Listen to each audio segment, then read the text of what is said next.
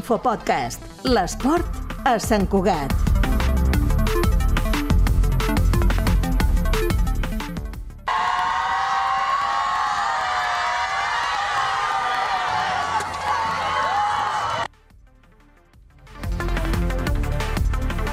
Onze de juny de 2023 d'enguany, el júnior aixecava el primer títol de la seva història de Lliga, de la Lliga Iberdrola, abans anomenada Divisió d'Honor, màxima categoria estatal.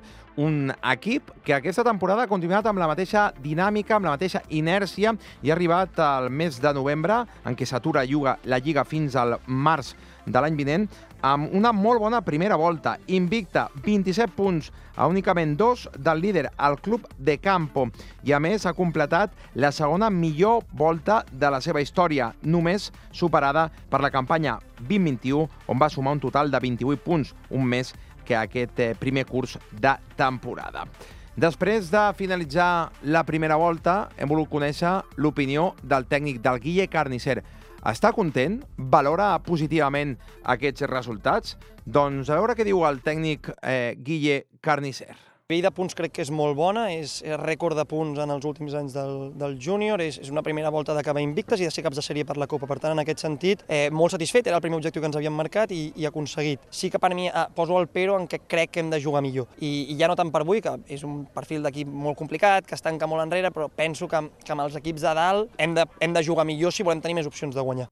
Doncs aquesta era la valoració de Guille Carnicer, un júnior que ha deixat ben encaminada la seva trajectòria a la Lliga. Recordin, els quatre primers classificats disputen la final a 4. També s'ha classificat per la Copa de la Reina, on serà cap de sèrie, i tots pendents del 13 al 15 de desembre a Barcelona, quan hi haurà el sorteig de la EAQL, la màxima competició continental. Dues participacions del júnior en els darrers tres anys parlen del bon treball que ha fet el conjunt santcugatenc.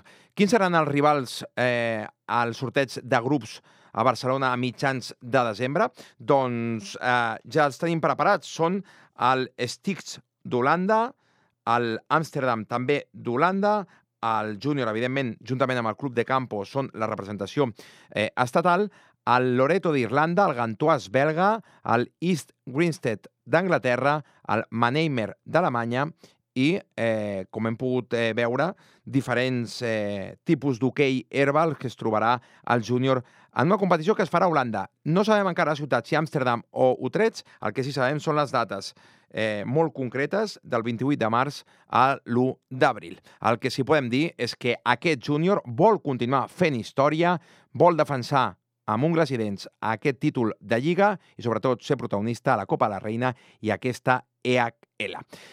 Infopodcast, una coproducció de Ràdio Sant Cugat i de La Xarxa.